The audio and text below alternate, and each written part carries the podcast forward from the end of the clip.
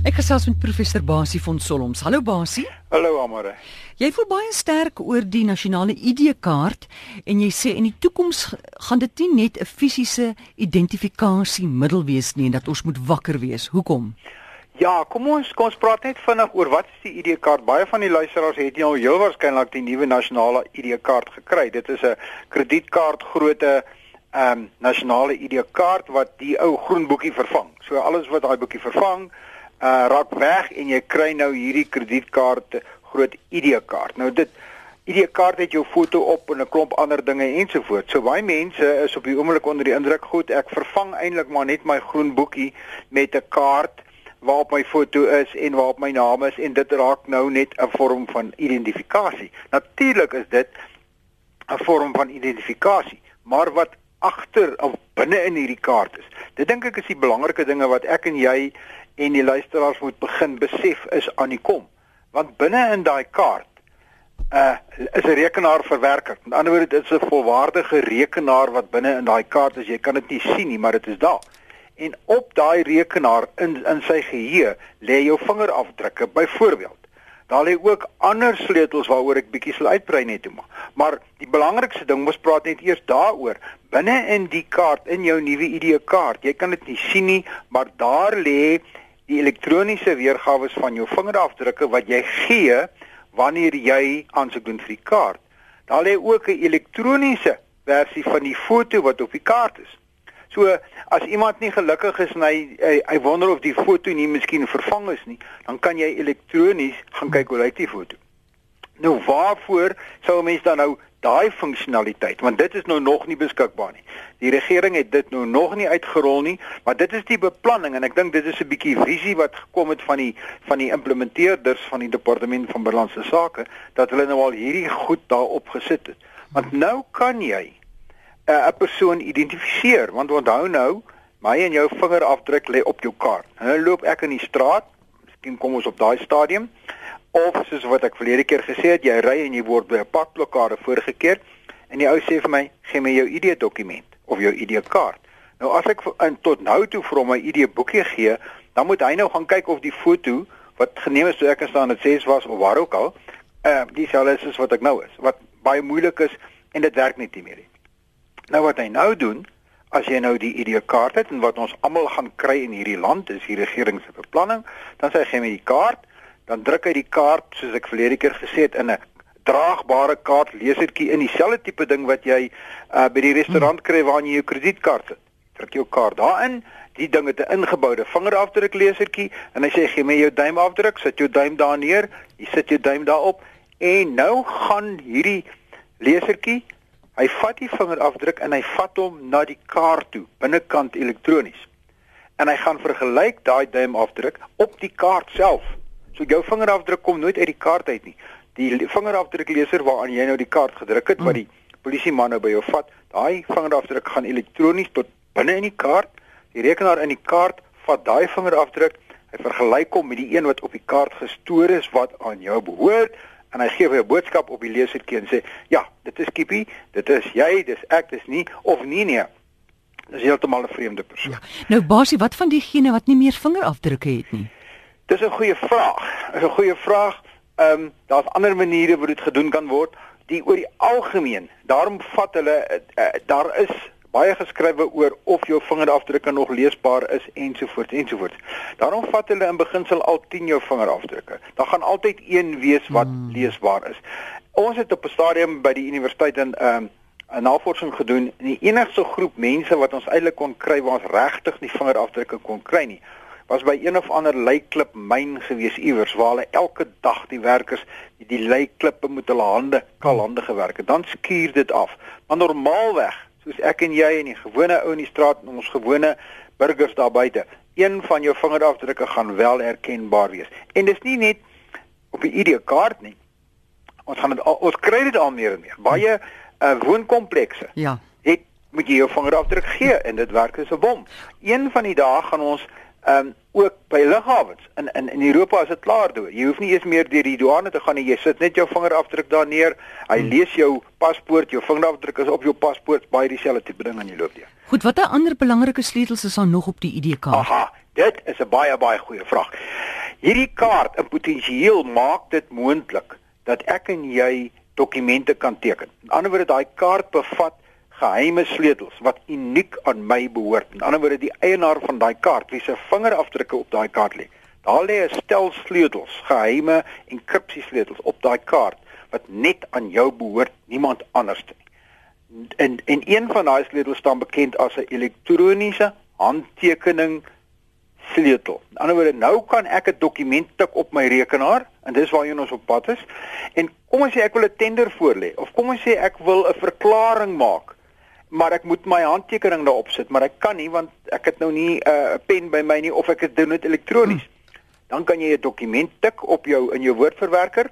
Jy kan jou kaart indruk in jou rekenaar in en jou kaart of hierdie rekenaar sal dan hierdie boodskap wat jy het sal hom na die kaart toe vat en hy sal hom onderteken elektronies met jou handtekening sleutel.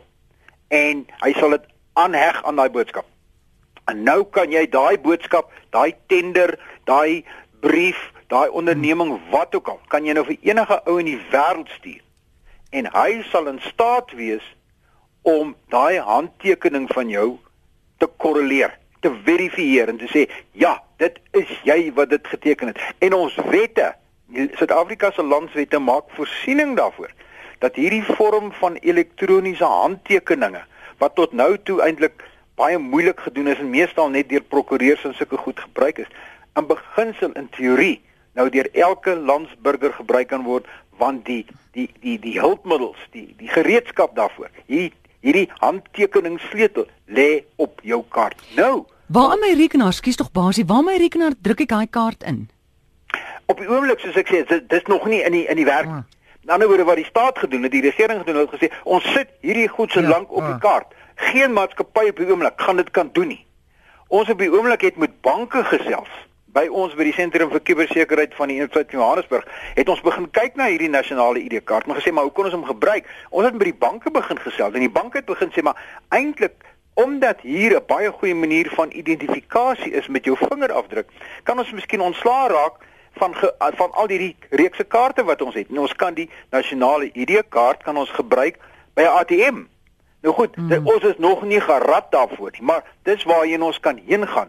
Wat ek hierdie wil sê is daai kaart van jou wat lyk soos 'n stukkie plastiek met 'n fotootjie op, mm. het ongelooflik meer moontlikhede wat ons miskien eh, in die volgende 10 jaar of in ons lewenstyd nie geïmplementeer sal sien nie, maar die vermoë is daar. En dit maak my opgewonde want nou kan ons begin om daai kaart weier te gebruik. Ons kan hom werklik begin vir elektroniese handel. As ek nou iets bestel oor die telefoon of oor 'n rekenaarmatig iets bestel, dan kan ek my bestelling elektronies teken en daai ou as ek as ek later ontken is ek wat dit bestel het, kan my hof toe vat en net sonder dat daar ooit 'n pen fisiese pen op 'n papier was iewers, kan hy my hof toe vat en die hof kan my skuldig bewys.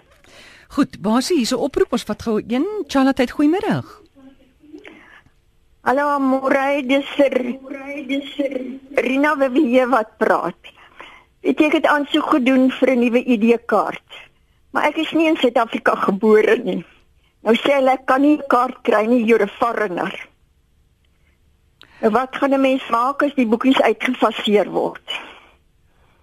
Basie. Baie dankie. Goed, dankie. Basie, ek weet nou nie of dit 'n antwoord is in jou lyn nie. Ek het nou nie 'n antwoord daarop nie. Ek dink een wat ek daarom kan ek kan troos as ek dit so kan stel uh, so 'n soort van 'n kubertroos is. Ek dink nie dat die staat op hierdie stadium enigsins eers dink daaraan om al die groen boekies uit te faseer nie. Want dit is nie so maklik en so vinnig om die ID-kaarte uit te reik nie. Baie mense het dit al. Ek dink daar's baie mense daar buite wat dit het. Hulle het begin eers met pensionaarsse en en en jong mense en ek dink nuwe mense wat aansoek doen vir die eerste keer. Hulle gaan voorkeur kry. Maar ek dink ons gaan nog baie baie hmm. jare met die groen boekie was. So ek sê vir die dame, moet asseblief nie wakker lê nie. Luister in die aand na chill en ontspan. Daar is gee, jy gaan nie probleme hê nie. Jy gaan uh teen die tyd dat daai groen boekie uitgefaseer word, gaan jy in elk geval nie meer dan moet jy liewer jou Bybel by jou hê want daarmee gaan jy jou dan identifiseer. Goed. Basie, wat is jou wenk vir die dag? My wenk vir die dag is, kan ek net eers dit sê? Ja, hm. die wenk vir die dag is onthou ons het verlede jaar daaroor gepraat. Onthou die eerste wenk was gewees sit 'n 'n pinnommer of 'n wagwoord op jou selfoon hmm. dat iemand hom nie kan gebruik nie. Weet jy hoeveel mense het al vir my gesê ek het dit gedoen, ja. maar ek voel nou meer gemaklik. My ander wenk is, my tweede wenk hier is onthou ons het gepraat oor die idee van 'n twee fase of twee uh vorm van identifikasie hmm. waar jy intik byvoorbeeld of in, inteken na jou Facebook profiel toe met jou wagwoord, dan stuur hulle vir jou 'n kode na jou selfoon toe wat geregistreer is en daai kode moet jy intik voordat jy werklik kan toegang kry. Dit is twee fase of twee uh twee vorms van of of 'n uh, twee been identifikasie. Eerste been ons gebruik almal net omtrent die eerste been. Die tweede been is beskikbaar. Gaan kyk by jou Facebook profiel, gaan kyk by jou Twitter.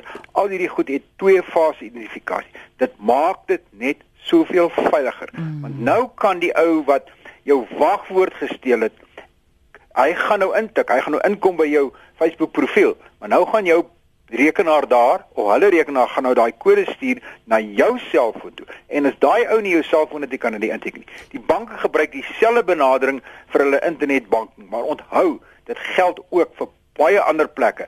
Gaan vind uit waar dit beskikbaar is, implementeer twee fase identifikasie. Dankie Basie, jou e-posadres? E-posadres uh rsgbasie@gmail.com en uh ek het verlede week gepraat oor die kuberwet, die nuwe uh, konsepwet oor kubersekerheid en kubermisdaad. Ons gaan baie daaroor praat vir mense wat belangstel daarin. Solank daar's 'n kopie van daai nuwe wet, die konsepwet is op die webwerf van die uh, Sentrum vir Kubersekerheid www.cybersecurity.org.za. Gaan kyk na daai wetgewing. Ek gaan dit nog bespreek. Daar's baie interessante goed en daai boodskap wat jy nou vir jou vriendin gaan stuur of vir vir daai persoon vir wie jy kwaad is, jy kan 3 jaar in die tronk gaan sit daaroor. Ag, dis erg. Ons moet daaroor praat. Dankie Basie. Alles van die beste. Tot volgende keer.